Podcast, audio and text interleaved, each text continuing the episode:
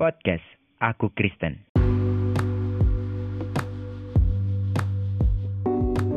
Halo sahabat Kristen, akhir-akhir ini kita melihat berita di TV tentang perceraian para artis. Lalu pertanyaan saya, bolehkah orang Kristen bercerai? Kata firman Tuhan dalam kitab Maliaki pasal 2 ayat yang ke-15 sampai ayat yang ke-16, saya akan baca dalam terjemahan bahasa Indonesia masa kini.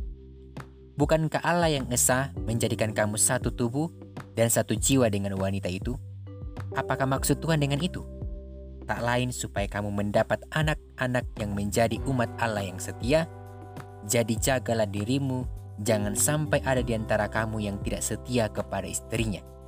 Aku benci perceraian, kata Tuhan Allah Israel. Aku benci kalau salah seorang dari kamu berbuat sekejam itu terhadap istrinya.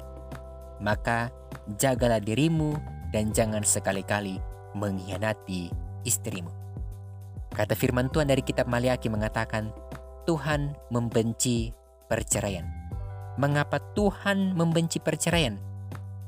Karena Tuhan menyatukan hubungan antara suami dan istri supaya mereka menjadi satu tubuh dan satu jiwa, supaya dari situ melahirkan anak-anak Allah yang akan menjadi umat setia Tuhan. Karena dikatakan juga di dalam kitab Matius 19 ayat yang ke-6. Demikianlah mereka bukan lagi dua melainkan satu. Karena itu apa yang telah dipersatukan Allah tidak boleh diceraikan oleh manusia. Jadi sungguh sangat jelas bahwa Allah tidak menghendaki perceraian.